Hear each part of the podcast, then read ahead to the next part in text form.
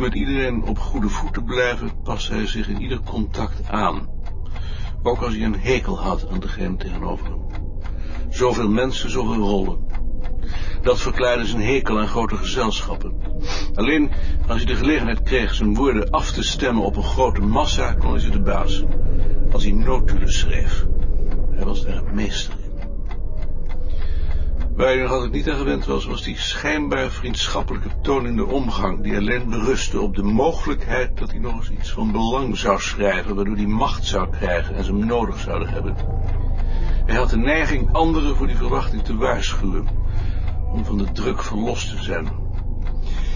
Zijn ervaring was dat dat de verwachtingen alleen maar groter maakte. Maar dat zou wel niet lang meer duren.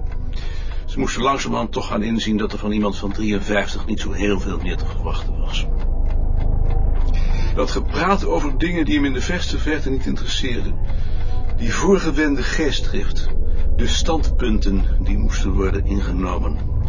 Hij voelde zich daarbij als iemand die een huis had gebouwd en als enige wist dat er geen fundamenten onder zaten. Het enige wat overbleef was hopen dat het pas in elkaar zakte als je uit de buurt was. Zo gingen mensen uitzien naar hun dood. Dat uitzicht maakt hem rustig.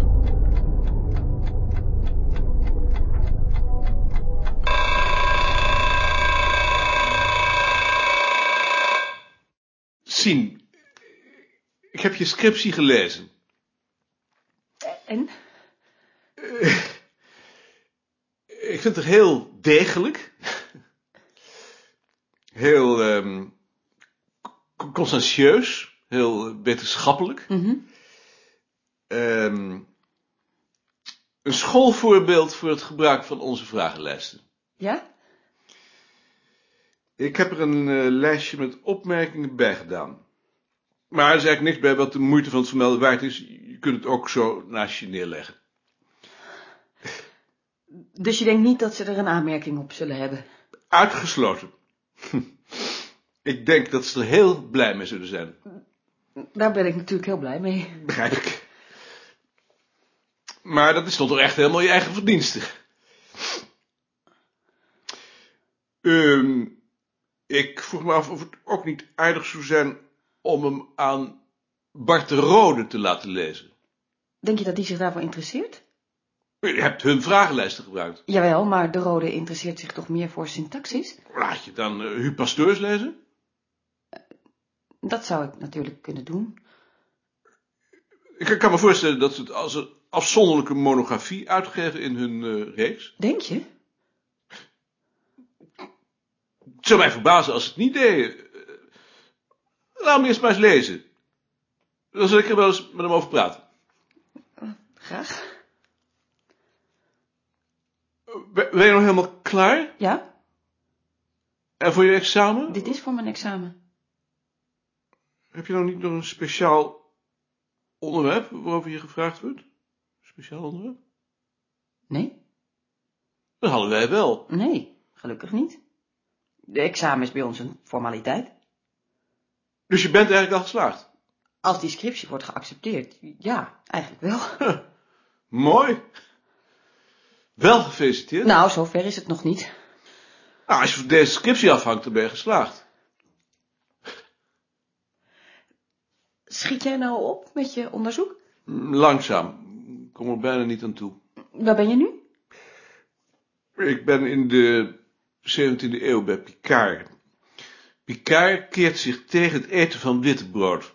Hij vindt dat je beter roggebrood kunt eten. In zijn tijd is dat uh, betrekkelijk nieuw.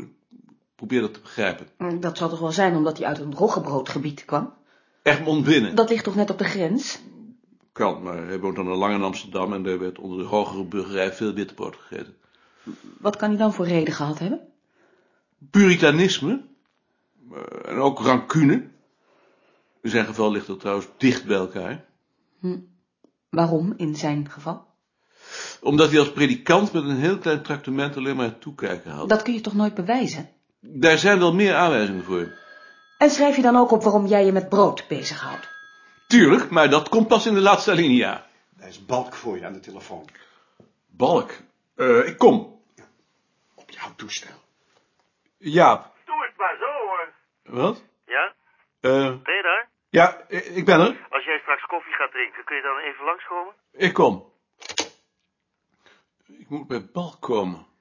Misschien omdat je gisteren op de vergadering over de personeelspolitiek hebt gezegd. Wat kan ik daarvoor bezwaar tegen hebben? Dat dat niet geldt voor de andere afdelingen. Dat zou natuurlijk kunnen. Hm. We zullen het wel horen. Juist. Maarten, ik kreeg net een telefoontje van het hoofdbureau dat Veld per 1 augustus bevorderd mag worden tot wetenschappelijk ambtenaar. Wil jij haar dat zeggen? Dat is mooi. Ik zal het tegen haar zeggen. Eh, Nog iets? Nee, verder niet. Wat vond jij eigenlijk van de vergadering gisteren? Hm, gewoon een vergadering. Je had achteraf geen kritiek? Nee, een beetje saai, maar dat zijn al die vergaderingen. Omdat Van der Land mij gisteravond opbelde dat hij zich nog nooit zo geërgerd had als deze keer. Nee, behalve dat hij door het gedrag van de voorzitter geen decorum had. Misschien bedoelt hij dat. Dat zou natuurlijk... eh, Dat mens wordt iedere keer gekker. Het is een merkwaardig mens. Linksom. Rie, Ja. Je wordt per 1 augustus bevorderd tot wetenschappelijk ambtenaar. Ja? Ja, Rechtsom. Rie wordt per 1 augustus bevorderd tot wetenschappelijk ambtenaar. Daar zal ze dan wel blij mee zijn. Dat denk ik ook. En ik denk niet dat ik van haar te horen krijg dat Gert of Lien er eigenlijk meer recht op hebben. Rechtsom. Balk denkt dat Van der Land zich geërgerd heeft aan het gedrag van Kaartje Kater. Dat mens wordt steeds gekker, zei hij. Ik heb het altijd al een aardig mens gevonden. Zeer geachte heer Vreeburg, ik heb uw scriptie met veel bewondering gelezen. Uw bronnenkennis, de geraffineerde manier waarop u daarvan gebruik maakt en de stoutmoedigheid van uw conclusies zijn tegelijk imponerend en prikkelend en ik zou ze dan ook bijzonder graag onder de aandacht van de lezers van het bulletin willen brengen. Al besef ik heel goed dat een tijdschrift met een groter lezerskring en met uw eigen achtergrond voor u aantrekkelijker moet zijn. Ehm, mocht u evenwel over dat bezwaar kunnen heen stappen, wat mij natuurlijk veel plezier zou doen, dan heb ik in het bijzonder belangstelling voor het hoofdstuk waarin u de opleving in de 14e eeuw behandelt en een poging onderneemt om de nog vroegere geschiedenis te reconstrueren. Voor wie zich interesseert voor cultuurverschijnselen en tradities, zoals de lezers van ons tijdschrift, is wat u daarover opmerkt zo belangwekkend dat ik het zou betreuren wanneer het in het typoscript van uw scriptie verborgen bleef. Dat betekent overigens niet dat ik niet ook mijn bedenkingen heb. Voor uw veronderstelling dat de bedevaart een veel oudere, tussen haakjes voor christelijke, oorsprong heeft, hebt u naar mijn smaak wel wat weinig grond onder de voeten, al ben ik wel gevoelig voor de romantiek in die gedachte. En al kan ik mij heel goed voorstellen dat juist uw Franse lezers onder de indruk zijn gekomen van de suggestiviteit van uw beschrijving van dat half verdronken land op de grens van mist en water in het voor hen toch al ontoegankelijke barbaarse noorden. Omdat ik niet in de Franse antropologische traditie ben grootgebracht, hield ik bij het lezen mijn hart vast. Het beeld is mij te statisch. De gedachte van een in de volksziel verankerde aantrekkingskracht van juist deze plaats is mij te religieus. Dus hartjes, ik bedoel natuurlijk te rooms. Hartjes sluiten. En ze herinnert me op een ander terrein bovendien te veel aan de theorie van Jung, een man aan wie ik een hartgrondige hekel heb. Ik zou denk ik heel tevreden zijn geweest als u tot de slotsom was gekomen dat de bedevaart ontstaan is in een klimaat waarin de economische bloei, de ontvankelijkheid voor nieuwe vormen van religiositeit, de machtspolitiek van de bisschop van Utrecht en het succes van de bedevaart naar de heilige steden in Amsterdam beslissend waren. Dat sluit het bestaan van een oudere bedevaart niet uit, maar ook die kan heel goed op soortgelijke motieven zijn gegrond, zonder dat de volksziel eraan te pas hoeft te komen.